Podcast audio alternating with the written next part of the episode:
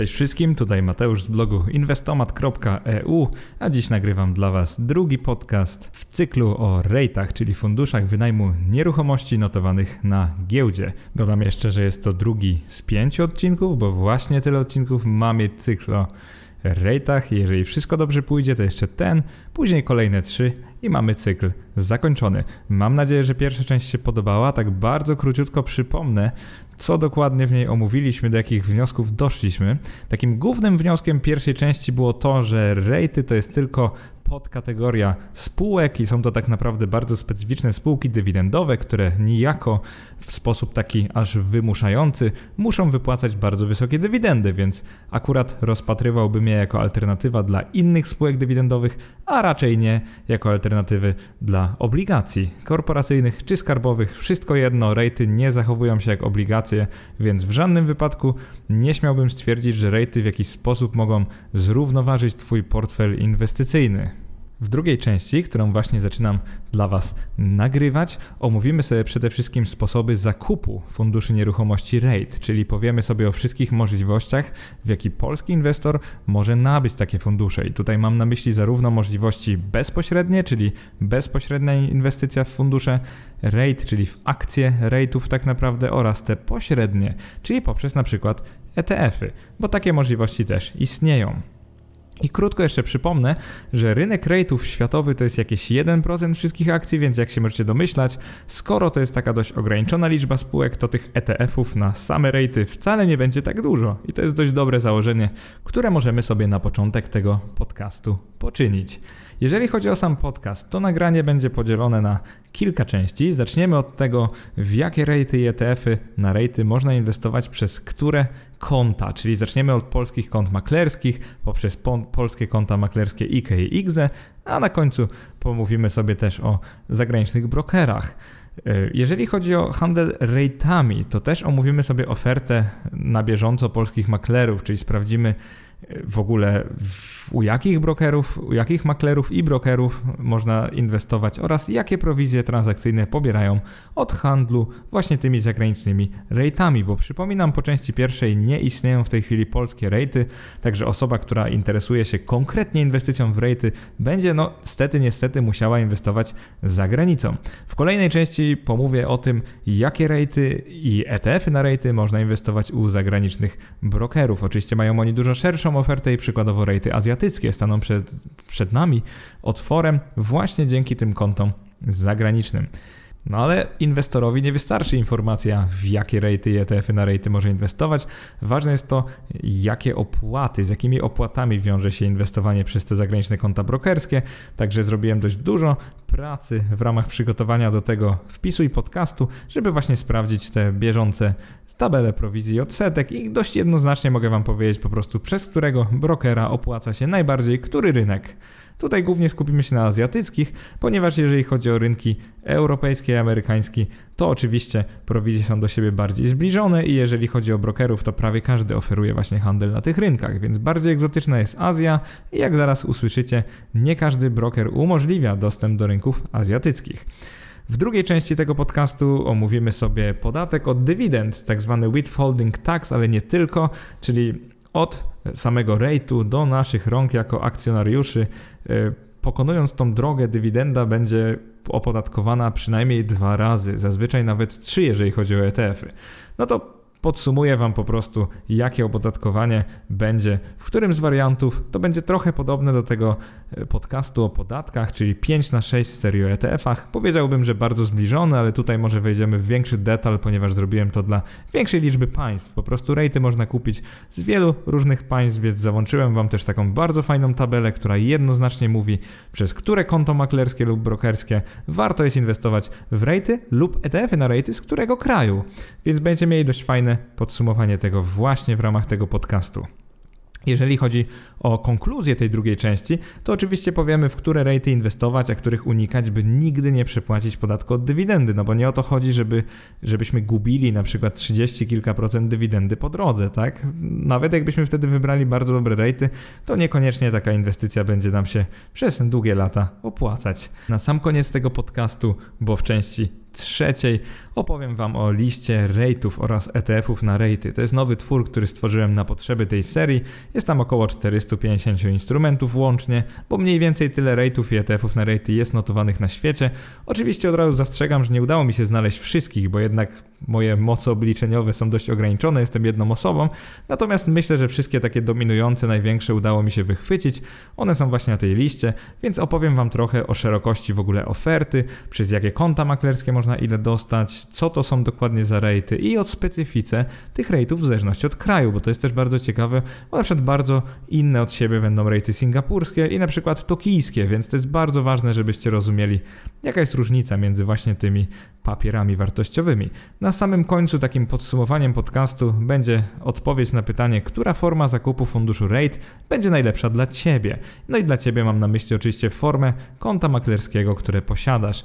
Więc Zupełnie inaczej w rejty będzie inwestował polski inwestor przez IKE, zupełnie inaczej polski inwestor bez IKE, a zupełnie inaczej polski inwestor z dostępem do e, konta brokerskiego, czyli konto brokerskie zazwyczaj umożliwi nam dostęp np. na rynki azjatyckie, niektóre konta brokerskie umożliwią nam handel ETF-ami amerykańskimi, co prawda to się dynamicznie zmienia, więc w tej chwili nie powiem Wam niestety które, natomiast zwykle to można sprawdzić po prostu pisząc do supportu takiego brokera. No więc zaczynamy ten podcast. Zacznijmy od szerokości oferty rate'ów w zależności od konta. Jeżeli chodzi o polskie konto maklerskie, na przykład w mBanku, dajmy na to e-maklera, lub w Bossie, lub nawet XTB, bo to też jest przecież makler, to oferta tych kont będzie dość ograniczona. Zazwyczaj, żebyście mieli od razu w głowach, ile to będzie rate'ów, tak między 50 a 100 takich spółek typu RAID będzie dostępnych, głównie Europa i Ameryka, w zasadzie tylko. Jeżeli chodzi o ETF-y na RAID, to jest ich dosłownie garstka i będziemy mieli w zasięgu tylko te europejskie, więc wcale nie będziemy mieli takiej wielkiej selekcji, ale powiedziałbym, że prawdopodobnie wystarczająco dużo, żeby wybrać coś ciekawego. Jeżeli chodzi natomiast o osobę, która posiada dostęp do zagranicznego konta brokerskiego, na przykład Div Broker, Links albo DeGiro, e, dla przykładu, żebyście rozumieli o czym mówię, no to takie już konta brokerskie będą oferowały dużo szerszy dostęp do rate'ów. Przede wszystkim dla takich inwestorów staną otworem na przykład rejty azjatyckie, a także tak jak mówiłem wcześniej, niektóre amerykańskie ETF-y na rejty, a tych jest po prostu więcej i mają ciekawszą ofertę.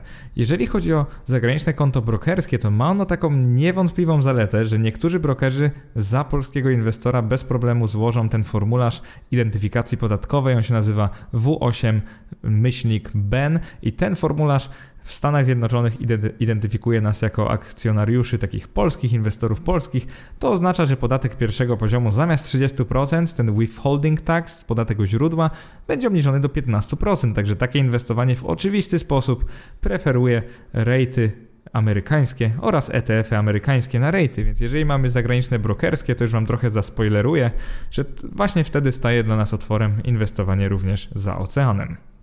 Zacznijmy teraz od omówienia szerokości oferty. Pamiętajcie, że to jest na dzień dzisiejszy. Teraz mamy gdzieś początek listopada 2020. Jeżeli chodzi o polskie konta maklerskie, a rejty. W tej chwili bezpośrednio mBank oferuje nam 48 spółek ze Stanów Zjednoczonych typu RAID, dwie takie spółki z Wielkiej Brytanii oraz 11 z Niemiec. Czyli tak naprawdę chcąc kupić bezpośrednio RAIDy w mBanku mamy 61 spółek.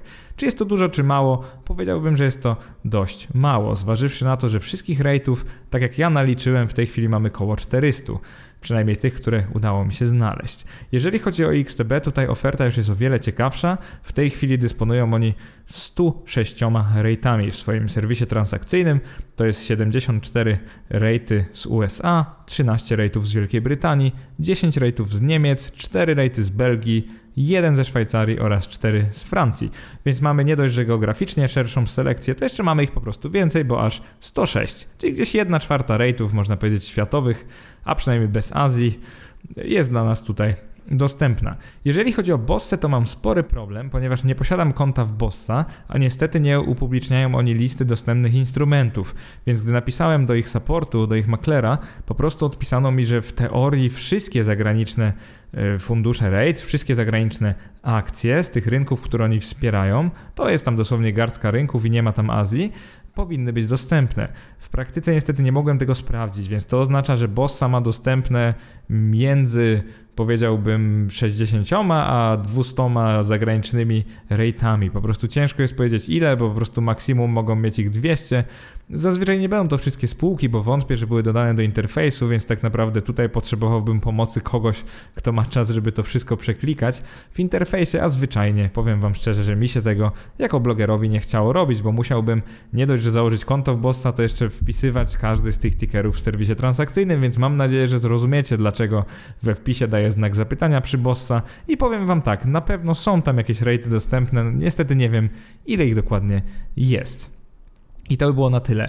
Jeżeli chodzi o XTB, to jeszcze przypomnę, że w tej chwili jest aktywna ta promocja, że jeżeli handlujecie takim obrotem zwykłym dla polskiego inwestora, czyli maksymalnie 100 tysięcy euro miesięcznie, tak naprawdę mało kto robi taki obrót, powiem szczerze, chyba że jakiś day trader, to będziecie mieli darmowe transakcje na akcjach, zarówno polskich, jak i zagranicznych, oraz na ETF-ach, zarówno polskich i zagranicznych, więc to jest naprawdę świetna okazja, żeby założyć sobie konto w XTB. W moim artykule, jeżeli chcecie wspomóc mojego bloga, znajdziecie link do tego.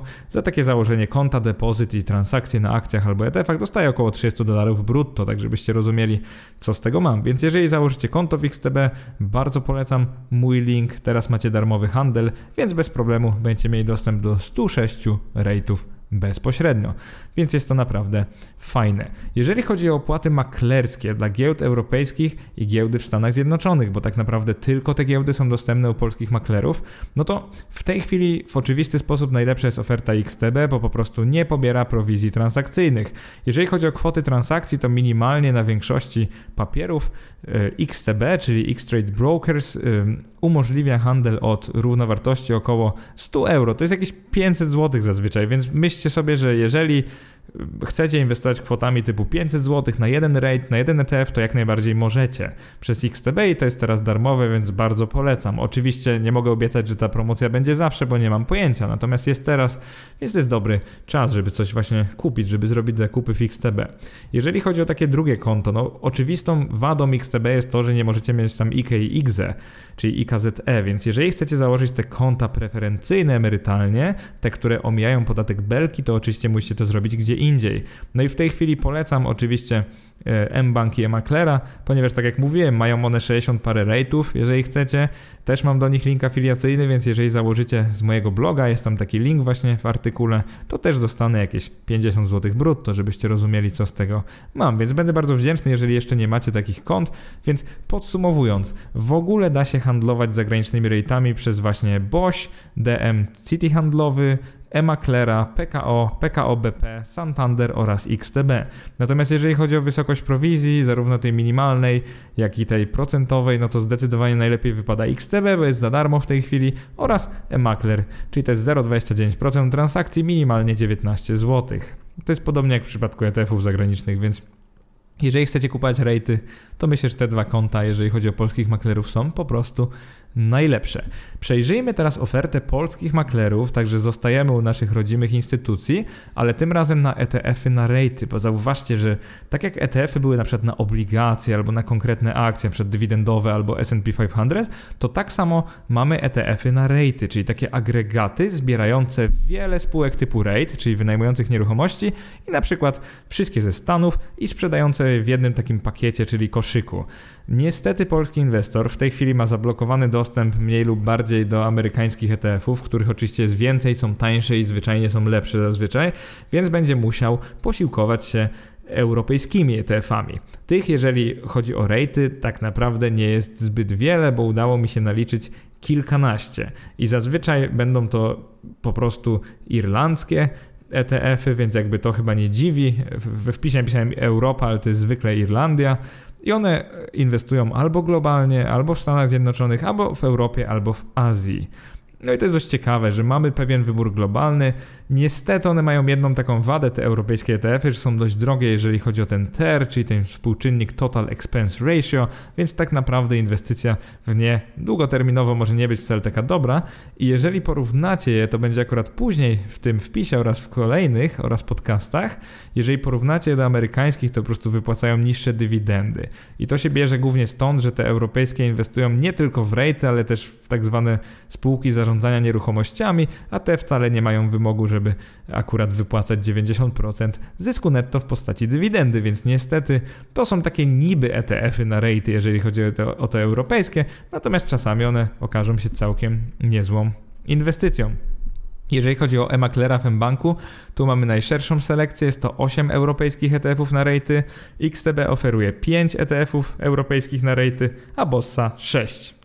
Tutaj akurat mogę powiedzieć, ile Bossa oferuje, bo Bossa na szczęście ma publicznie dostępną listę ETF-ów, które można u nich kupić, więc dzięki temu mogę Wam powiedzieć, że 6 jest na aktywa typu rejty, typu nieruchomości, więc tutaj już nie muszę y, dawać znaku zapytania, tylko mogę Wam powiedzieć konkretnie. Przechodzimy teraz za granicę, jeżeli chodzi o konta, czyli będziemy mówić o kontach brokerskich, czyli po prostu już nie jesteśmy w polskim domu albo biurze maklerskim, tylko za granicą u brokerów. Jeżeli chodzi o brokerów, to porównałem tutaj DeGiro, DIV, eToro, Exante, Interactive Brokers, Lynx, Saxo Trader oraz Trading 212 212. To są te właśnie, to są ci brokerzy, ta wielka ósemka, chyba najbardziej popularnych, który mam nadzieję, że nikogo tutaj nie pominąłem, których właśnie postanowiłem porównać. Pierwsze pytanie brzmi, którzy z tych brokerów właściwie w ogóle umożliwiają handel w Azji? Bo jeżeli chodzi o rejty, to Azja jest bardzo ciekawym rynkiem. Przypominam, że jest druga na świecie, łącznie prawie 25% wszystkich rejtów światowych, to jest jedna sprawa, a druga sprawa to jest to, że jak zaraz usłyszycie, Azja ma dość fajne preferencje podatkowe i często nie ma na przykład podatku na pierwszym poziomie, albo jest bardzo niski, więc faktycznie stąd te rejty w Singapurze mogą być dość popularne wśród polskich inwestorów. Jeżeli chodzi o tych brokerów, to wszyscy poza eToro oraz Trading 212 oferują handel w Azji. Jeżeli chodzi o tych dwóch, to po prostu nie znalazłem takiej informacji nigdzie w internecie, więc to mi wystarczyło, żeby tam zaznaczyć nie. Jeżeli wiecie coś więcej, oczywiście mogę to skorygować później we wpisie. Natomiast jedno, czego nie będę robił, to nie będę z czasem tego update'ował, bo przecież broker może w każdej chwili zmienić ofertę, a ja już nie zdążę tego we wpisie, raczej nie zdołam tego tak update'ować, więc mówię na dzień dzisiejszy, listopad 2020 roku. Jeżeli chodzi o giełdę singapurską, to jeszcze nie oferuje jej Div Broker. Natomiast giełdę singapurską oferują DeGiro, Exante, Interactive Brokers, Links oraz Saxo Trader. Tutaj jestem prawie pewien, bo znalazłem u nich po prostu taką ofertę. I teraz dlaczego zacząłem od Azji? Przede wszystkim dlatego, że polski makler, polscy maklerzy nie umożliwiają handlu w Azji, więc moim zdaniem jest to bardzo fajna opcja. Jeżeli chodzi o opłaty brokerskie właśnie u zagranicznych brokerów na azjatyckie giełdy, czyli jeżeli chcemy inwestować w te słynne na przykład singapurskie rejty, to u którego z brokerów nam się to najbardziej opłaca. W tej chwili to wygląda tak, że na przykład Saxo Trader ma najlepszą ofertę, jeżeli chodzi o rynek australijski, jest najtaniej, to jest 0,1% i minimalnie 8 australijskich dolarów, więc to jest najniższa prowizja. Jeżeli chodzi o Exante, to problemem jest ten minimalny kapitał, to jest około 50 tysięcy złotych, który trzeba mieć, żeby w ogóle otworzyć u nich konto. Natomiast oni są najtańsi, jeżeli chodzi o handel w Japonii, Singapurze i Hongkongu, bo to jest odpowiednio w Japonii 1,1%, w Singapurze 0,15%, w Hongkongu 0,08%, więc są to dość niskie prowizje jak na taki handel. Więc powiedziałbym, że Saxo Exante, jeżeli chodzi o najlepsze oferty, z czego Saxo to jest tylko Australia. Jeżeli chodzi o Links Broker, oni też mają dość dobre te prowizje, w sensie tylko nieznacznie wyższe od Exante, to jest zwykle 0,15, dla Australii 0,10, no i kwoty minimalne prowizji nie są takie złe, to jest zwykle jakaś równowartość kilkudziesięciu złotych, więc to nie jest tak, że tam się nie da tradować od kilku, no nastu tysięcy złotych zwykle nie ma problemu. Więc jeżeli ktoś dysponuje trochę większym kapitałem, jeżeli ktoś naprawdę desperacko chce inwestować w Azji, to przynajmniej brokerzy to umożliwiają, więc to jest ten wielki plus. Jeżeli chodzi o opłaty tych brokerów dla rynków e, zagranicznych, ale europejskiego i amerykańskiego, bo przypominam, że Ameryka to dalej pierwszy rynek, jeżeli chodzi o rejty, a w Europie też jest dość sporo rejtów, łącznie około tam 12-13% światowej kapitalizacji. Więc jakby nie patrzeć, to, to też jest niezła konkurencja, jeżeli chodzi o właśnie giełdę amerykańską i europejską no to tutaj najlepiej wypadają oczywiście eToro i Trading 212, choćby z tego powodu, że reklamują się, że nie pobierają prowizji od transakcji. To jest oczywiście trochę zbyt piękne, żeby było prawdziwe, ja wam tutaj tylko mówię to, co jest napisane na ich stronach, natomiast jeżeli wiecie coś więcej, to będę bardzo ciekaw waszej jakby opinii, waszych przeżyć z tymi brokerami, jeżeli ktoś z was używa eToro i Trading 212, no i oczywiście dajcie znać w komentarzach, może wiąże się jakaś dyskusja, może lekko skoryguje wpis, no ale z tego co widziałem, po, posiadają oni na przykład prowizję od wypłaty albo nieaktywności, natomiast nie ma prowizji transakcyjnej, więc w oczywisty sposób muszę powiedzieć, że to są najlepsze oferty, jeżeli chodzi na przykład o rejty amerykańskie. Wśród brokerów, którzy otwarcie mówią, że mają prowizje transakcyjne, najlepsze jest Exante, tutaj ma najniższe prowizje, często nie ma nawet tych minimalnych. Niestety jest ta bariera porządkowa, że trzeba mieć ten kapitał w wysokości właśnie około 50 tysięcy złotych, co jest po prostu sporą barierą dla wielu z nas. Mm, jeżeli chodzi o opłaty w Exante, to za handel akcjami amerykańskimi jest to po prostu 2 centy na akcję. W Niemczech to jest 0,5%, to jest dość dużo, w Wielkiej Brytanii 0,05%, we Francji 0,05%. Więc nie są to jakieś tragiczne prowizje, myślę, że zupełnie zjadliwe dla przeciętnego inwestora, więc eksante. Także tutaj, jeżeli chodzi o ofertę właśnie zagraniczną, ale amerykańską i europejską, wypada dość dobrze. I teraz bardzo króciutko, jeżeli chodzi o zagraniczne konto brokerskie, ETF-y na rejty, to oczywiście wszystkie z nich oferują praktycznie wszystkie ETF-y europejskie. Niektóre będą oferować też ETF-y amerykańskie, natomiast musicie to sprawdzić samemu, tak jak Wam mówiłem wcześniej, bo to się zmienia bardzo dynamicznie. W teorii żaden polski inwestor nie powinien być w stanie kupować ETF-ów amerykańskich, przynajmniej większości z nich, bo większość z nich nigdy nie tłumaczy tego Key Information Document, KID, tak zwany. Na przykład zrobił to ostatnio Sprott, ten Sprott na złoto i na srebro i można je kupić z Polski, na przykład w Bossie, więc to jest taka ciekawostka, że to nie jest tak, że nie wiem, do końca świata nie będziemy mogli kupić żadnych amerykańskich ETF-ów, po prostu chodzi o to, że wydawca, wystawca takiego ETF-a musi poświęcić czas i środki, żeby przetłumaczyć właśnie taki dokument na język danego kraju, żeby to po prostu w Europie było legalne, że tak powiem. No i tym samym kończymy pierwszą część podcastu, przechodzimy płynnie do drugiej, bardzo ciekawej, będzie o podatkach, ale przedstawię to w taki sposób, żeby to było ciekawe i przydatne, a nie w sposób, jak to podatki bywają, czyli jakiś nudnawy. Jeżeli chodzi o podatki, przede wszystkim kupując REIT bezpośrednio, kupujesz po prostu akcje spółki zagranicznej, która wypłaca dywidendy. Więc to jest dość proste, bo jedyny podatek, który zapłacisz po drodze, to jest ten podatek pierwszego poziomu, tak zwany withholding tax. No i polega to na tym, że po prostu jeżeli spółka działa w jakimś kraju, to zazwyczaj ten kraj ma jakieś prawo podatkowe wobec Polski, wobec polskiego inwestora. No i dam Wam przykład. Jeżeli polski inwestor inwestuje przez polskie konto maklerskie i nie złożył tego formularza W8BEN, to niestety nie może być zidentyfikowany przez Stany Zjednoczone, przez ich skarbówkę jako polski inwestor, czyli po prostu spółka płacąc mu dywidendę, w tym rate płacąc mu dywidendę, niestety utnie z tego 30%. To jest bardzo dużo. No i tym bardziej niestety, bo na drugim poziomie, czyli w Polsce, bo w Polsce to działa tak, że polski ustawodawca chce po prostu rozumieć, ile było oryginalnie dywidendy, ile dostaliśmy do ręki, czyli po prostu czy już zapłaciliśmy 19% przynajmniej, czy jeszcze nie. No bo jeżeli nie zapłaciliśmy 19%, to on się połasi na tą resztę i, te, i na przykład z 15 4% będzie trzeba w Polsce dopłacić. I problemem właśnie tego rozliczania się przez polskie konta maklerskie bez, bez formularza W8BEN jest właśnie to, że nie jesteśmy identyfikowani w Ameryce jako polscy rezydenci, niestety. Czyli pobierają od nas 30% i nierzadko w Polsce musimy jeszcze dopłacić 4, bo przecież polski ustawodawca zakłada, że zapłaciliśmy tylko 15, ponieważ jesteśmy Polakami, a obowiązuje umowa dwustronna. Więc to jest niestety taka sytuacja polskiego inwestora w tej chwili. Co ciekawe, jeżeli polski inwestor inwestuje w Azji, no to też sprawdzamy po prostu jaką umowę ma dany kraj w Azji, na przykład z Polską, no i sprawdzamy, ile trzeba wtedy zapłacić podatku na tym pierwszym poziomie. I teraz jego się oczywiście nie płaci, spółka go odciąga automatycznie, natomiast my musimy wiedzieć, ile odciągnęła, żeby się później poprawnie rozliczyć w Polsce. To było tak w skrócie.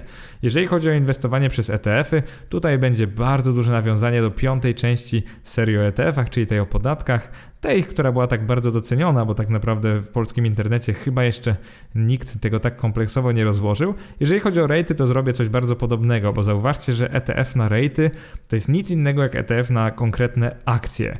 Więc to jest, tu mamy trzy poziomy opodatkowania. Pierwszy poziom opodatkowania to jest ten, kiedy rejty wypłacają ETF-owi, który agreguje po prostu dywidendy. Więc zauważcie, że na przykład jeżeli rate jest w Stanach, ETF jest w Irlandii, no to tu mamy już odciągnięte 15% podatku. No i minusem ETF-ów, takim oczywistym jest to, że ten podatek jest niezależny od tego, który my zapłacimy jako inwestor, posiadając jednostki tego ETF-a na trzecim poziomie, czyli w Polsce. Bo jak jakby nikt nie wie konkretnie, ile ETF zapłacił. To nie jest tak, że ETF to jakby jest inna osobowość prawna niż my. Czyli pierwszy poziom z RAID do ETF, drugi poziom to jest ETF, gdy on nam wypłaca dywidendę, czyli tą zagregowaną. Czyli najpierw rejty przez ileś miesięcy dają ETF-owi pieniążki, później ETF bierze te pieniążki i w pewnym momencie z tego wora nam wypłaca taką połączoną dywidendę i w tym momencie on jeszcze może odciągnąć ten withholding tax, czyli ten drugi poziom w przypadku inwestowania w ETF-y na rejty, to jest to samo co pierwszy poziom w przypadku bezpośredniego inwestowania w rejty, to jest to samo. Jeżeli chodzi później o podatek trzeciego poziomu w przypadku ETF-ów, no to jest ten właściwy podatek belki od dywidend, czyli musimy w kraju po prostu zadeklarować ile ETF nam wypłacił dywidendy, no i niestety nie możemy tutaj tego pierwszego poziomu odciągnąć i to będzie powodowało pewne bardzo ciekawe sytuacje, o których Wam zaraz opowiem. Jeżeli chodzi teraz jeszcze, bo to było o dywidendach tylko, jeżeli chodzi o podatek od zysków kapitałowych z rate'ów, czyli po prostu kupujecie rate, sprzedajecie go z zyskiem po roku, dwóch czy trzech, no i jak to rozliczyć? Tutaj będzie dość prosto, bo zamiast Wam mówić od nowa, po prostu odsyłam Was do piątej części o ETF-ach tego cyklu. Też jest link prosto tutaj w artykule, więc jeżeli teraz na przykład czytasz artykuł, to po prostu możesz kliknąć ten link i tam podałem konkretną sekcję, w której pokazuję, jak to rozliczyć, więc nie będę jakby drugi raz tego samego mówił, tylko po prostu cofnij się od tamtego wpisu podcastu, a się dowiesz dokładnie, jak się rozlicza zysk kapitałowy ze spółki zagranicznej albo z ETF-u zagranicznego, bo to jest w zasadzie to samo. Teraz troszkę konkretnie chciałem, konkretniej chciałem pogadać o podatku od dywidend z funduszy RATE, czyli zakładamy ten wariant pierwszy. Inwestujemy bezpośrednio w fundusz RATE. I dla przykładu opowiem Wam, jak to wygląda, jeżeli chodzi o polskie konto maklerskie. Jeżeli na przykład przez polskie konto maklerskie kupisz rate, który rezyduje w USA, czyli Stanach Zjednoczonych, no to na pierwszym poziomie on odciągnie 30% już podatku. No i na drugim niestety zwykle będziesz musiał, musiała dopłacić jeszcze 4%, co powoduje, że łącznie płacisz 34% tej oryginalnej kwoty dywidendy. Więc to jest po prostu, mówiąc tak kolokwialnie, to jest masakra. Absolutnie nie warto jest kupować przez polskie konto maklerskie tak naprawdę żadnej spółki, która rezyduje w USA i wypłaca dywidendy, no bo na, od razu z marszu stracimy jej 30%, więc to jest totalnie niewarte świeczki. Jeżeli chodzi o drugi taki kraj, w którym nie polecałbym inwestowania bezpośrednio w rejty, to są Niemcy, ponieważ oni na pierwszym poziomie ten withholding tax pobierają 26,4%. To jest dokładnie 26,375%, jeżeli chcecie mieć tak super dokładną e, kwotę. No i niestety, co to znaczy? To znaczy, że bardzo dużo znowu, ponad 1 czwartą zostawiamy w Niemczech. To też implikuje, że na tym drugim poziomie, czyli w Polsce już nie dopłacimy podatku, czyli już jakby mamy spokój, tylko musimy to zadeklarować, już nie dopłacamy nic polskiemu e, fiskusowi, no ale problem jest taki, że łącznie zapłaciliśmy 26%, to jest bardzo dużo, no i wolelibyśmy raczej nie inwestować w rejty, które pobierają aż tyle pieniędzy. Jeżeli chodzi o trzeci kraj tutaj z tych europejskich rynków, właściwie z europejskich i amerykańskich, bo te są dostępne przez polskie konta maklerskie, jest to Wielka Brytania. Oni niestety mają taką zasadę, że od e, zwykłych dywidendówek i funduszy oni nie pobierają tak zwanego withholding tax, czyli jak kupicie brytyjską spółkę, to zwykle będzie 0% na pierwszym poziomie. To jest bardzo uczciwe i wtedy w Polsce płacicie 19%, macie spokój. Natomiast jeżeli chodzi o rejty, mają taką regułę trochę niesprzyjającą nam, to jest to, że akurat od rejtów odciągają 20, 20% dywidendy na pierwszym poziomie. To są takie specjalne spółki. No i taką trochę karą za to, że nie płacą CIT-u jest to, że właśnie mamy withholding tax 20%. No z jednej strony jest on trochę niższy niż w Stanach, czyli 30%. Z drugiej strony 20%, na drugim poziomie płacimy nic, ale łącznie zapłaciliśmy 20%. Dla porównania, Belgia, Szwajcaria i Francja, jeżeli kupujecie tamtejsze rejty, pobierają na pierwszym poziomie w cudzysłowie tylko 15% i to oznacza tyle, że na drugim w Polsce dopłacacie jeszcze 4. Pamiętajcie, że od oryginalnej kwoty dywidendy brutto, no i wtedy łącznie zapłaciliście 19%.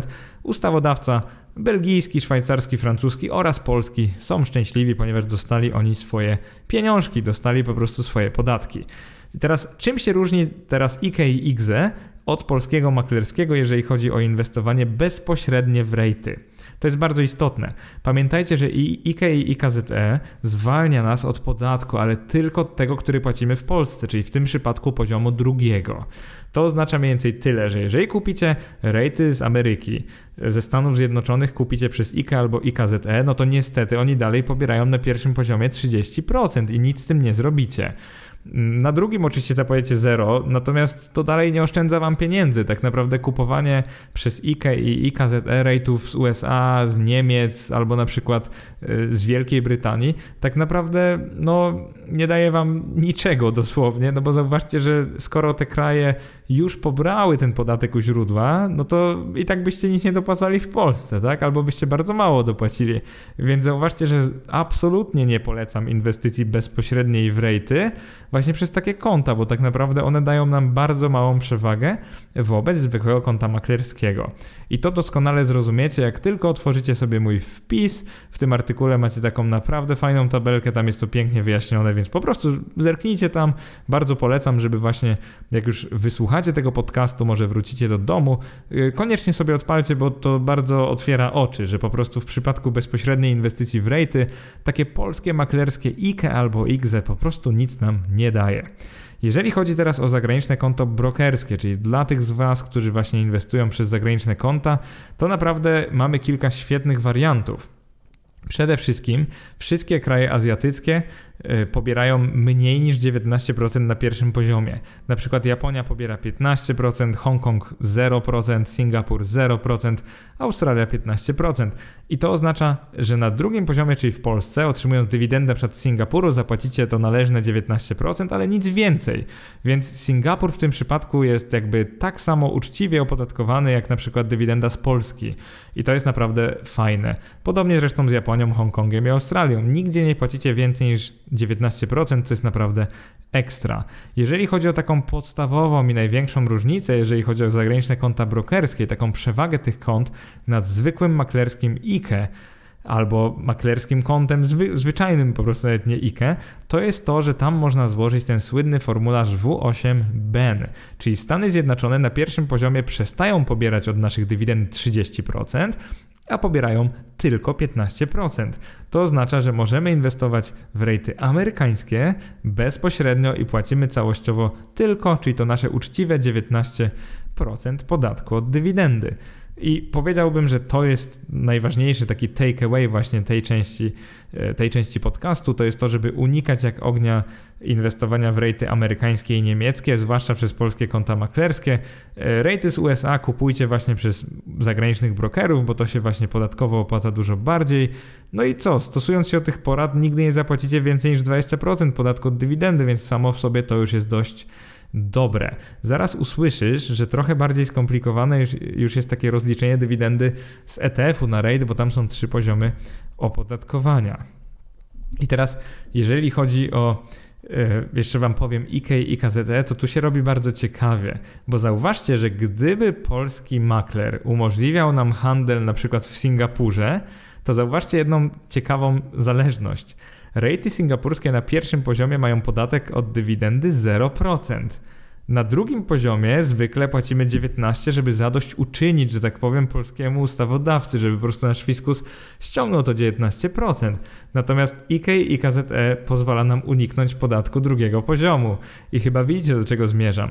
Zmierzam do tego, że gdyby przez IK i XZ dałoby się kupić na przykład rate singapurski albo hongkoński, to byśmy nie zapłacili w ogóle podatku od dywidendy, więc byłaby to doskonała opcja. No niestety nie jest to w tej chwili możliwe. No i podobnie, gdyby polskie konta maklerskie IK, IK i IKZE umożliwiały złożenie formularza W8BEN, to byśmy mogli inwestować w rejty ze Stanów Zjednoczonych z podatkiem 15%, tym withholding tax i później byśmy już nic nie zapłacili. Także naprawdę byłoby doskonale, więc w tym podcaście chciałbym wam powiedzieć tylko, że będę bardzo lobbował, żeby polscy maklerzy wreszcie otworzyli się na świat, żeby dało się inwestować na rynkach azjatyckich przez tych maklerów.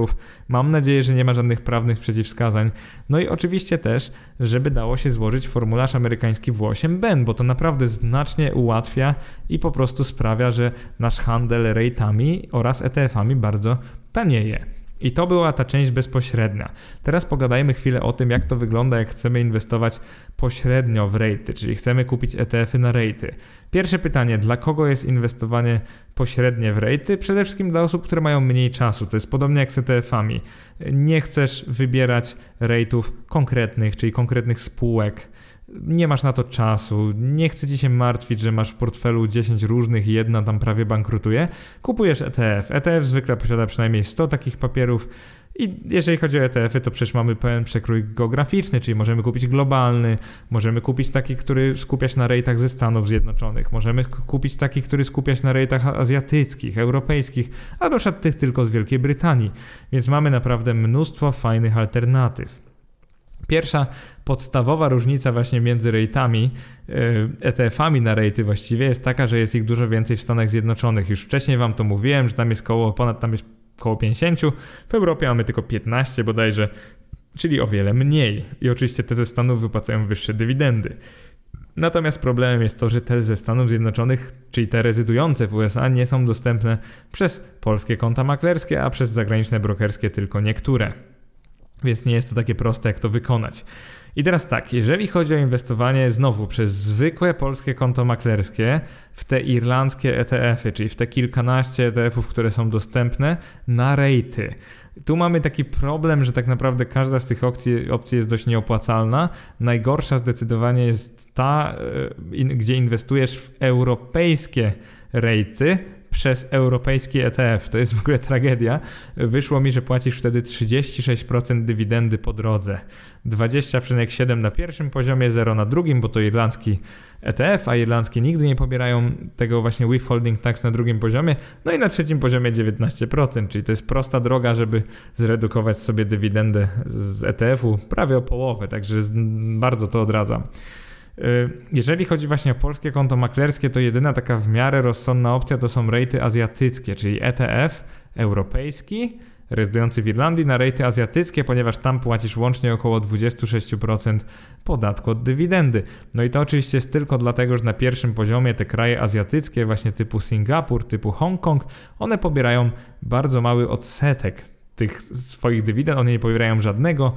E, Japonia pobiera 15, Australia 15, więc po prostu to się bierze stąd, że dokonałem takich obliczeń właśnie ile takie rejty zabiorą, jakby gdy ETF-owi będą płacić dywidendy i wyszło mi, że tylko niecałe 9%, więc jeżeli chodzi o polskie konto e, maklerskie, nie IKX, no to tylko europejskie rejty, przepraszam, europejskie ETF-y na rejty azjatyckie. To jest jedyna taka rozsądna droga.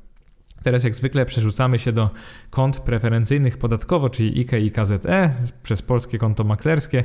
Tutaj jest już o wiele lepiej, ale taką prawdziwą właśnie perełką jest ta możliwość inwestowania e, w ETF na rejty azjatyckie, ponieważ jeżeli omijamy wtedy podatek w tym przypadku trzeciego poziomu, czyli ten podatek belki należny w Polsce, bo nie płacimy go w ogóle, nie rozliczamy się w ogóle z fiskusem inwestując przez IKE i IGZE, to tu jest naprawdę genialny, bo na pierwszym poziomie płacimy 8,6%, na drugim nic, na trzecim nic.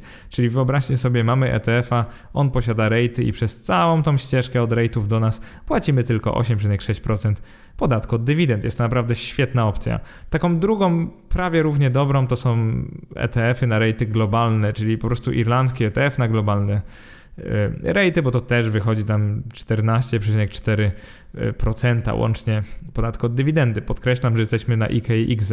E, też nie jest tak źle, jeżeli chodzi o europejskie ETF-y na rejty ze Stanów Zjednoczonych. Tu jest też ciekawie, bo Irlandia ma umowę o unikaniu podwójnego opodatkowania ze Stanami Zjednoczonymi. To oznacza, że Stany e, nas bezpośrednio by opodatkowały na 30% na pierwszym poziomie, ale już irlandzkie ETF opodatkują na 15%. Więc jakby możemy, mamy taką trochę tarczę podatkową, jeżeli naszym proxy jest właśnie irlandzki ETF. Więc nie jest tak źle, jeżeli kupicie właśnie irlandzki ETF na rejty ze Stanów Zjednoczonych przez polskie maklerskie IKE albo IGZE. Przez całą drogę płacicie wtedy 15% podatku od dywidendy i to jest naprawdę nieźle.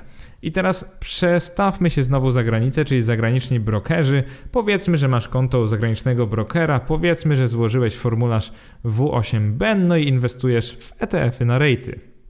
Jeżeli chodzi o te europejskie, no to sytuacja jest identyczna jak w przypadku zwykłego konta maklerskiego. Po prostu większość z nich pobierze ci wtedy 30% podatku, albo raczej tyle łącznie zapłacisz na trzech poziomach i to jest zwyczajnie nieopłacalne.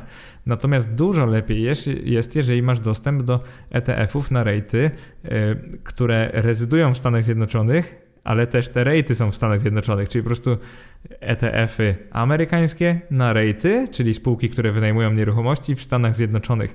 I to jest naprawdę genialne, bo między tymi dwoma spółkami, tymi dwoma rodzajami spółek jest 0% podatku na pierwszym poziomie, czyli one nie płacą w ogóle tego podatku. Na drugim, jeżeli amerykański ETF przelewa ci dywidendę, to jest 15%, na trzecim dopłacasz kolejne 4%, czyli masz dostęp normalny, całościowy do tych ETF-ów amerykańskich na rejty amerykańskie, czyli one są naprawdę dobre zazwyczaj i często mają bardzo wysokie dywidendy i przez całą tą ścieżkę zapłacisz tylko 19% podatku. To jest naprawdę atrakcyjne. Teraz tak jak miałem sekcję marzenia inwestomata, jeżeli chodzi o rejty bezpośrednio, to tak samo mam sekcję marzenia inwestomata, jeżeli chodzi o rejty przez ETF-y, ponieważ wyobraźcie sobie, że inwestowalibyśmy przez polskie konto maklerskie IKE i KZE, a na przykład w Irlandii powstałby ETF, który inwestuje w rejty singapurskie.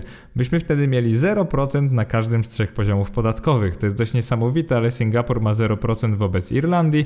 Irlandia nie pobiera nic na drugim poziomie, a na trzecim poziomie polski ustawodawca nic by nie chciał, ponieważ to jest IKE albo IKZE. Więc jeżeli byśmy mieli taki irlandzki ETF na rejty singapurskie albo hongkońskie na przykład, no to byśmy nie płacili w ogóle podatku od dywidend, więc jest to naprawdę magiczna opcja, niesamowita. No i tutaj podobnie, jeżeli byśmy mogli złożyć w Polsce W8 BEN i dodatkowo mielibyśmy możliwość inwestowania za oceanem, czyli w te rejty przepraszam, ETF-y amerykańskie na rejty amerykańskie, to byśmy łącznie zapłacili 15% podatku. Przykładowo tylko na drugim poziomie taki ETF by go pobrał. To jest takie fajne ćwiczenie myślowe i niestety w tej chwili no, nie ma takich produktów i nie jest to możliwe, natomiast to, co chcę powiedzieć, to to, że jeżeli posiadasz odpowiednią wiedzę podatkową, jeżeli umiesz to policzyć i zaczną powstawać takie instrumenty, no to może wkrótce będziemy mogli inwestować nie dość, że w najlepsze rejty, to jeszcze bez żadnego e, podatku e, od dywidendy, więc więc na, naprawdę bądźmy optymistami, ale też lobbujmy za tym, żeby właśnie polskie domy maklerskie otwierały się na świat, żeby umożliwiały złożenie takiego W8 BEN. Lobbujmy za tym, żeby na przykład iShares BlackRocka tworzył coraz to nowe ETF-y, ponieważ może być to dla nas po prostu opłacalne na dłuższą metę i ułatwić znacznie nasze inwestowanie. I teraz jak użyć tego drugiego rozdziału, tej drugiej części e, tego podcastu? No przede wszystkim wyobraźmy sobie, że chcemy bardzo kupić rate amerykański. No to w oczywisty sposób powiedziałem wam już, że nie warto tego robić przez polskie konto maklerskie. I tutaj niezależnie czy to jest IKE czy zwykłe konto, po prostu nie, nie warto tego robić. Jeżeli chodzi o europejskie ETF-y na rejty, no to jest tu trochę lepiej. Są takie na amerykańskie rejty, no ale i tak zgubimy prawie 30% dywidendy po drodze. Natomiast mamy takie dwie opcje, w których zapłacimy po prostu 19% podatku. Obydwie niestety są przez zagraniczne konta brokerskie, no i tutaj te opcje to jest albo przez amerykańskie ETF-y na rejty i tam właśnie amerykańskie rejty, albo przez amerykańskie rejty bezpośrednio. No i ta ostatnia opcja jest zwykle najprostsza. Po prostu kupujecie akcje spółek, no i macie spokój, wtedy będziecie płacić 15%, zostawiając już tam w Ameryce, no i 4% będzie dopłacać w Polsce, więc jakby w ten sposób można użyć tych tabel. No i właśnie tak można rozumieć ten cały rozdział o podatkach. Ostatnia część tego podcastu, ta trzecia, to będzie lista funduszy REIT dostępnych dla polskiego inwestora. No i oczywiście dużo lepiej jest ją sobie włączyć w tej chwili albo później, żebyście w ogóle zrozumieli, jak się używa tej listy. Natomiast w podcaście stwierdziłem, że żeby zrobić tak, żeby nie wymagać od Was otwarcia, po prostu Wam powiem, czym ona się różni od listy ETF-ów. Przede wszystkim posiada trzy zakładki. Pierwsza z nich nazywa się lista rate'ów EU e plus US, no i jak się domyślacie, chodzi tutaj o Europę i Stany Zjednoczone. Ta lista jest bardzo podobna, jeżeli chodzi o koncepcję do listy ETF-ów. Tam jest 235 spółek z Europy i Stanów Zjednoczonych, które klasyfikują się jako fundusze REIT, czyli po prostu wypłacają przynajmniej 90% zysku operacyjnego w postaci dywidendy. Poziom szczegółów jest, powiedziałbym, równie wysoki jak moje listy ETF-ów. Być może w chwili, gdy przeglądasz tę listę, nie ma tam jeszcze wszystkich dywidend, bo to zajmuje mi trochę czasu. Szukam sposobu, żeby to zautomatyzować, no ale niemniej to jest pierwsza zakładka, taka główna zakładka tej listy. Druga zakładka to jest lista rate'ów Azja. To jest po prostu lista z 144 spółek azjatyckich, które są rate'ami w tych jurysdykcjach podatkowych. Jeżeli o formę chodzi, to niestety, no przepraszam cię, ale jest ona mocno okrojona, czyli jest tam tylko kilka kolumn, bo po prostu Google nie dostarcza pełnych danych dotyczących na przykład giełd e, singapurskiej i hongkońskiej, więc po prostu nie byłem w stanie tego zrobić tak dobrze, jak to robię zwykle dla ETF-ów na przykład europejskich. Więc przepraszam, no ale to jest po, poza moim zasięgiem. Plus jest taki, że macie nazwy tych spółek i macie branże, w których działają, czyli wiecie, w jakie nieruchomości, w jakiego typu i w jakim kraju inwestują te rejty, więc jakby dałem wam tyle, co naprawdę mogłem wam dać, no i niestety reszta jest poza moim zasięgiem. Jeżeli chodzi o trzecią zakładkę, nazywa się lista ETF-ów na rejty i tutaj jest istotne, żebyś zrozumiał lub zrozumiała, że to jest tak naprawdę mały wycinek mojej głównej listy ETF-ów, bo tu jest te kilkanaście ETF-ów, które wcześniej nazwałem, że to są akcje nieruchomości jako temat inwestycji. Natomiast dodałem tutaj część amerykańską, czyli jest tu kilkanaście europejskich i bardzo dużo amerykańskich ETF-ów.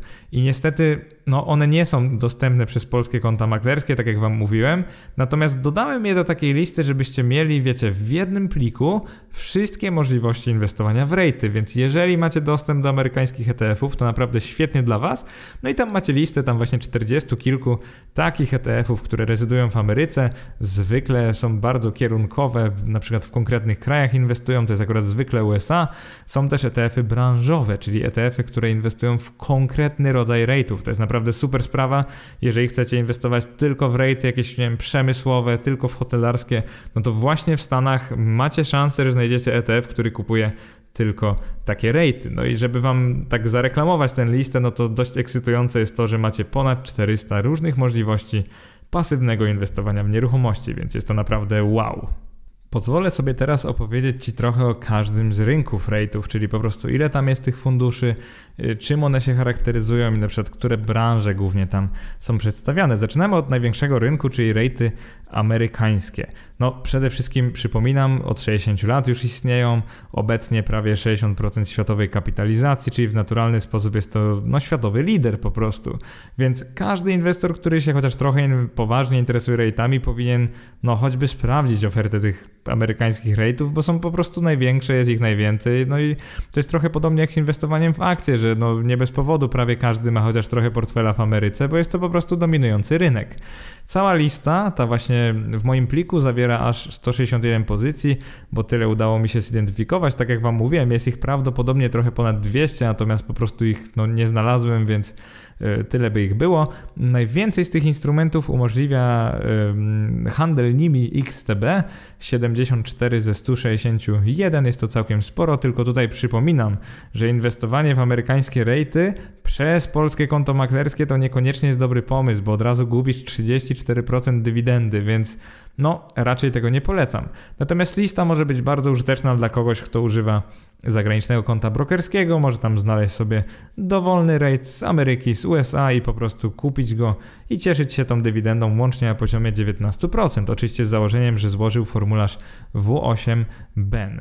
Jeżeli chodzi o rejty brytyjskie, to jest ich trochę mniej, to bodajże około 37, jeżeli dobrze pamiętam. W XTB macie dostępne 13 z nich.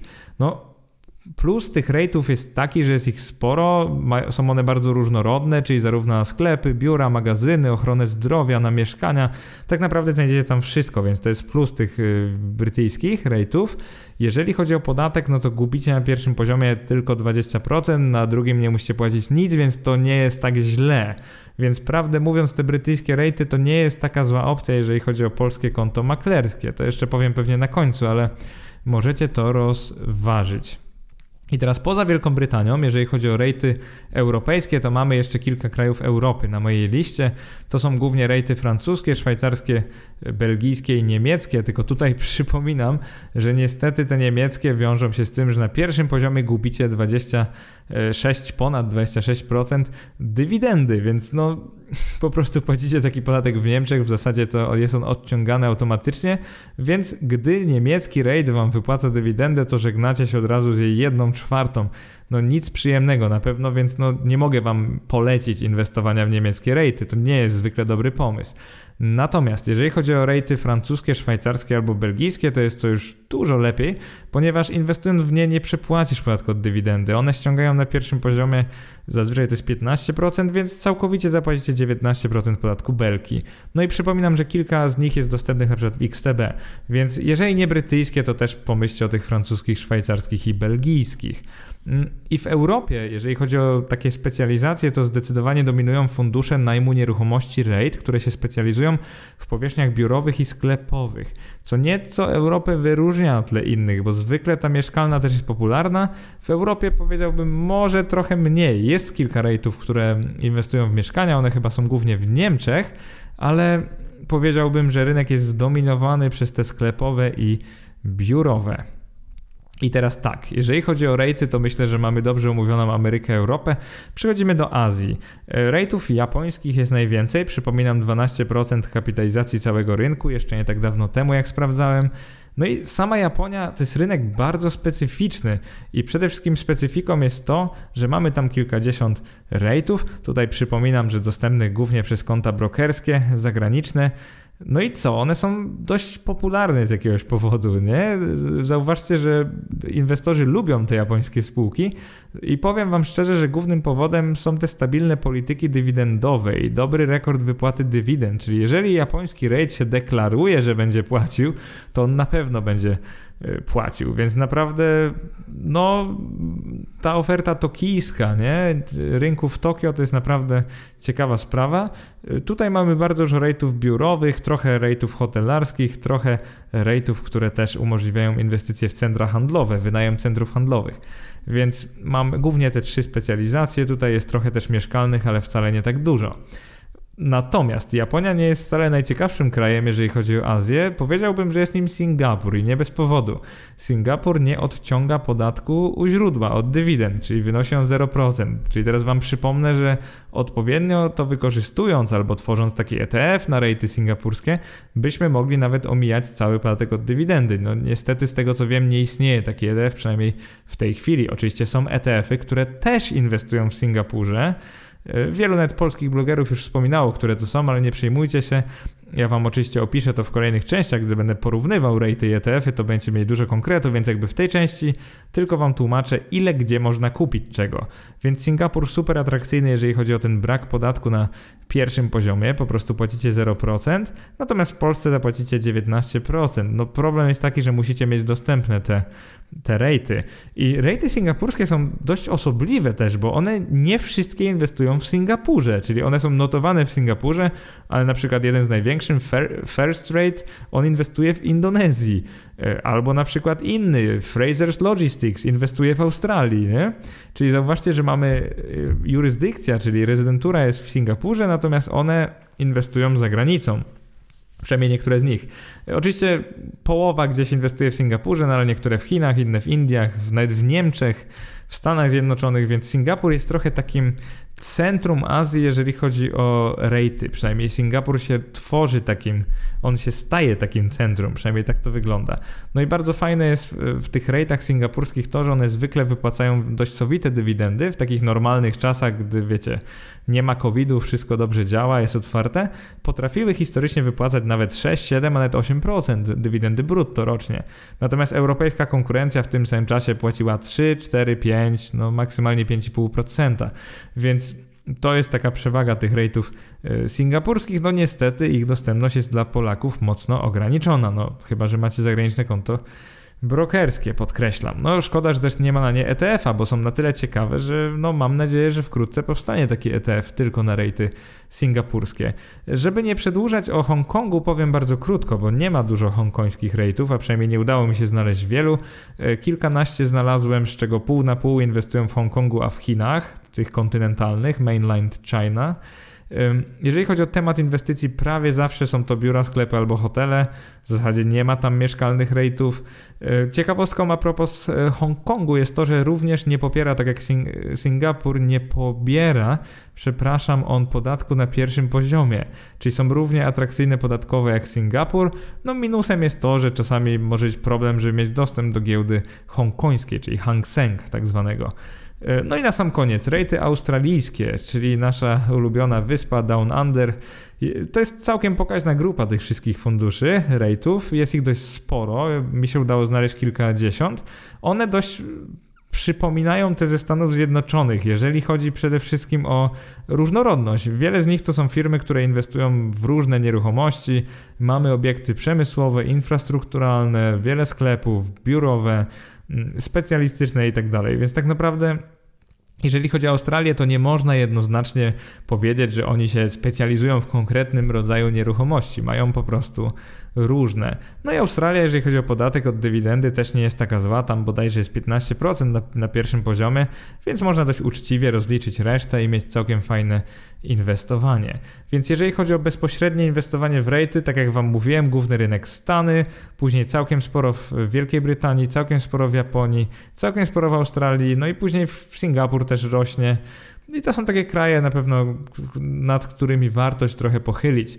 Natomiast konkrety, czyli już o analizie rate'ów, znajdziecie w następnych częściach tego cyklu. A my teraz przechodzimy do listy funduszy ETF na rejty, czyli dla tych, którzy chcą inwestować pośrednio w rejty, którzy nie chcą wybierać, mamy tutaj naprawdę wiele opcji, zwłaszcza jeżeli macie dostęp do ETF-ów amerykańskich, to jest naprawdę niesamowicie, bo jest ich kilkadziesiąt, mają fajne dywidendy i naprawdę dobrze je zachowują od wielu, wielu lat. Natomiast jeżeli inwestujecie z polskiego konta maklerskiego, niestety macie dostęp do kilkunastu ETF-ów na rejty i nie tylko rejty, bo to są tak zwane property yield ETFs. I to znaczy mniej więcej tyle, że one nie posiadają samych rate'ów, tylko też właśnie te spółki najmu nieruchomości, co sprawia niestety, że ich dywidendy są niższe. Co ciekawe, wśród tych spółek aż 4, czy właściwie 5 teraz patrzę, są z gatunku accumulating. I teraz przypominam, accumulating znaczy, że one nie płacą dywidend, tylko zachowują je sobie i reinwestują więcej takich papierów. I to jest o tyle ciekawe, że ten typ accumulating w przypadku rate'ów to jest tak jakby, nie powiem, że mija się z celem, no ale zwykle inwestor w rate akurat chce mieć dywidendę w kieszeni, a nie tak, żeby fundusz ją sobie reinwestował, więc ciekawi mnie, że w ogóle e, takie ETF-y istnieją, jest na pierwszym miejscu. Tak jak mówiłem, jest ich kilkanaście, zwykle w każdym z domów maklerskich polskich kupisz tylko po kilka z nich. No tutaj tym wielkim highlightem, plusem jest ten azjatycki, to jest na przykład iShares Asia Property Yield. Z tego co widzę, tak naprawdę to jest jedyny dostępny azjatycki, znaczy europejski ETF na azjatyckie rejty, żeby nie, nie, nie, nie ściemniać. On ma ten plus, że dywidendy z niego nie są wcale tak mocno obciążone podatkiem, czyli dość dużą część wszystko inwestor sobie zostawia w kieszeni. No, oczywistym minusem jest to, że mogą być dość mało płynne miejscami i że nie są dostępne we wszystkich domach maklerskich. Na przykład XTB w tej chwili nie ma w ogóle w ofercie takiego ETF-u na rejty. Y, powiedziałbym Wam tylko tyle, że no, kompletnie nie opłaca się inwestować e, w europejskie ETF-y inwestujące w Europie. To jest w ogóle ironia. Wcześniej Wam mówiłem, Niemcy potrafią kompletnie zniszczyć podatek z takiego ETF-u i czasami zapłacicie na pierwszym poziomie 20% i na trzecim poziomie 19% i to jest po prostu katastrofa. Łącznie płacicie 30 kilka procent od oryginalnej dywidendy brutto, więc to nie jest coś, co chcecie robić. Jeżeli chodzi o ETF-y amerykańskie, na rejty tu jest bardzo ciekawie. Głównie mamy takie amerykańskie ETF-y na rejty amerykańskie, azjatyckie albo globalne i zazwyczaj nie ma innej opcji. E, fajna rzecz jest taka, że jeżeli uda Wam się mieć do nich dostęp, złożyć formularz W8BEN, to tak naprawdę macie dostęp do najlepszych funduszy ETF, jeżeli chodzi o rejty. I tutaj będą na przykład tak słynne fundusze jak e, VRA AI, czyli w RAI, będą też te słynne VNQ na przykład, ten Vanguarda i, i tak dalej, i tak dalej. VNQI, czyli ten Vanguarda bez United States, bez, bez Stanów Zjednoczonych. To są te ETF-y, o których na pewno już słyszeliście, na przykład DRW. To są o tyle fajne ETF-y amerykańskie, że naprawdę zostawiają nam w kieszeniach spore dywidendy, ponieważ one kolekcjonują je z tych krajów, e, gdzie już są, rejty wypłacają wysokie dywidendy, to jest jeden. Dwa to jest to, że Ameryka ma często, Stany Zjednoczone Ameryki Północnej mają często bardzo preferencyjną stawkę podatku u źródła, czyli po prostu inne kraje ich tak mocno nie opodatkowują, więc jeżeli ETF rezyduje, powiedzmy mieszka w Stanach Zjednoczonych, no to mają z automatu dużo lepsze warunki, jeżeli chodzi o dywidendy. No i tutaj gdzie tu szukać sprawiedliwości? Po prostu wielki gigant finansowy może sobie pozwolić na to, co chce. Więc jeżeli inwestor ma dostęp do właśnie amerykańskich ETF-ów, no to te ETF-y na rejty są naprawdę świetne. Zazwyczaj to będą ETF-y, które mają w ogóle najwyższy dividend yield ze wszystkich ETF-ów typu distributing, więc to jest taka ciekawostka. Już myślę na powoli na koniec tego, tego podcastu, myślę, że jeszcze około 10 minut będę do Was mówił, ale myślę, że to jest najważniejszy wniosek, że jeżeli masz dostęp do tych amerykańskich ETF-ów, no to naprawdę dlaczego nie? To one prawie zawsze są dobrym wyborem. I teraz na sam koniec, taka część bonusowa już na, dla kogoś, kto może ma mało czasu, na koniec chciałby sobie tylko odświeżyć wiedzę, jak kupić fundusz RATE, co wybrać. I tutaj głównie podatkowo mówię Wam, które warianty według mnie są najlepsze. Zacznijmy od zwykłego polskiego konta maklerskiego. E, taki zdecydowany top 1 to jest bezpośredni zakup rate'u belgijskiego, francuskiego albo szwajcarskiego. I dlaczego to jest tak? Dlatego, że w tym przypadku nie przepłacicie podatku od dywidend. Zapłacicie od nich łącznie 19%, e, plus te rejty są dość bliskie nam geograficznie, więc możemy lepiej analizować rynek. Plus dalej inwestujemy w Europie, więc to ma dużo plusów. Drugim wariantem są zdecydowanie rejty brytyjskie, czyli rejty z Wielkiej Brytanii. Ich niewątpliwym plusem jest to, że na pierwszym poziomie pobiorą od Was 20% podatku od dywidendy, a później w Polsce nie płacicie nic, więc dalej to nie jest takie złe. Na pewno to się opłaca o wiele bardziej niż inwestowanie w rejty amerykańskie, więc naturalnie na drugim miejscu rejty brytyjskie. I teraz czego zdecydowanie unikać? Czyli inwestujesz przez polskie konto maklerskie, na przykład e-maklera, nie w wersji IKX, unikaj przede wszystkim rejtów amerykańskich i niemieckich, bo po prostu ten podatek od dywidendy na pierwszym poziomie jest horrendalny i no, stracisz jej taką część, że co by nie było, wyjdzie ci, że lepiej było zostać w Belgii, Francji, w Szwajcarii albo na przykład w Wielkiej Brytanii. Przechodzimy teraz na wariant IK i KZE i od razu powiem, że według mnie takie fundusze REITs będą dość popularne na tych kontach, bo wiele osób lubi właśnie oszczędzać podatkowo na dywidendach. No i wyobraźcie sobie przez wiele lat oszczędzanie na podatku belki, czyli niepłacenie tego podatku drugiego i trzeciego poziomu, w zależności czy inwestujesz bezpośrednio czy pośrednio. No w oczywisty sposób te konta są w pewnym sensie preferowane na konkretne warianty. Teraz się może trochę zdziwicie, ale przez polskie konto maklerskie IKE lub IGZE najbardziej opłaca się inwestować w europejskie ETF-y na rejty azjatyckie. Y, mówiłem Wam już wcześniej, z czego to wynika. Y, płacicie łącznie poniżej 10% podatku od dywidendy. Jest to naprawdę świetna opcja. Jeżeli chodzi o sam podatek, chyba najlepsza ze wszystkich w ogóle. Więc jeżeli macie IGZE, to w ten sposób oszczędzicie najwięcej. Drugim wariantem właśnie z IKEA i KZE jest inwestowanie w europejskie ETF-y na rejty amerykańskie. I to jest też takie trochę nieintuicyjne, bo się wydaje trochę dziwne, ale dzięki temu oszczędzicie dużo pieniędzy, łącznie płacąc 15% podatku od dywidendy. Tylko na pierwszym poziomie.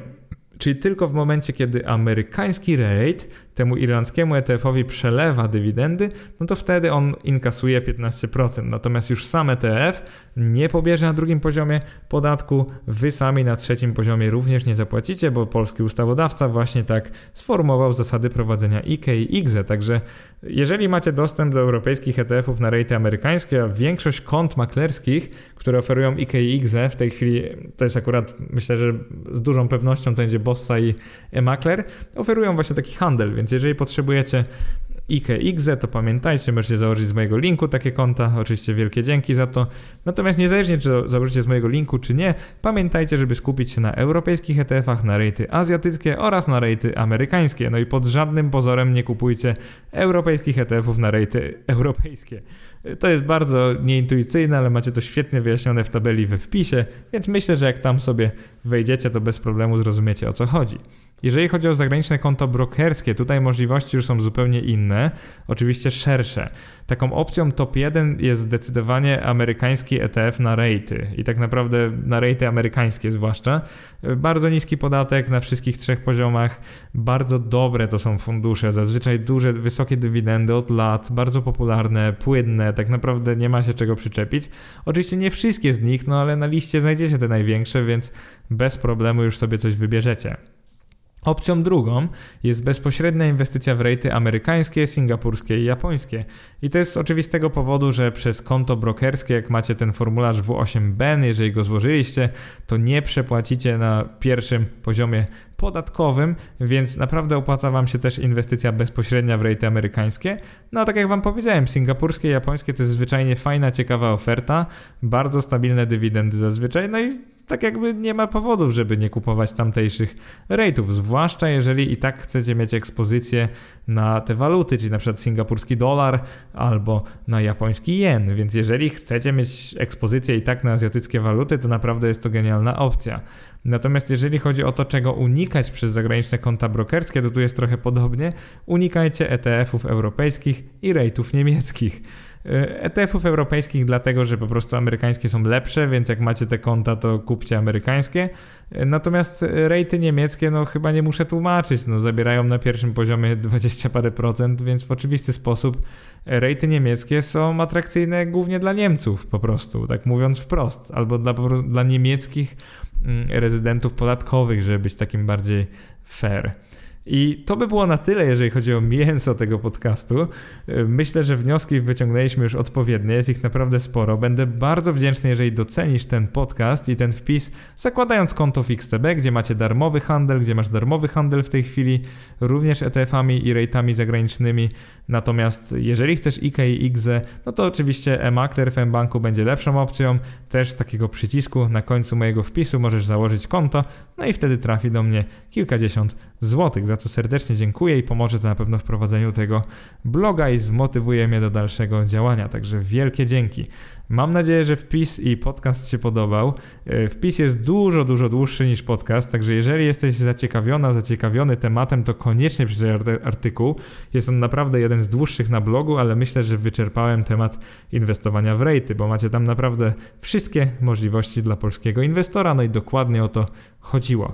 Bardzo Wam dziękuję za uwagę, naprawdę super, że ze mną jesteście. Pamiętajcie, żeby polubić mnie na Facebooku, jeżeli tego jeszcze nie robicie. Cześć!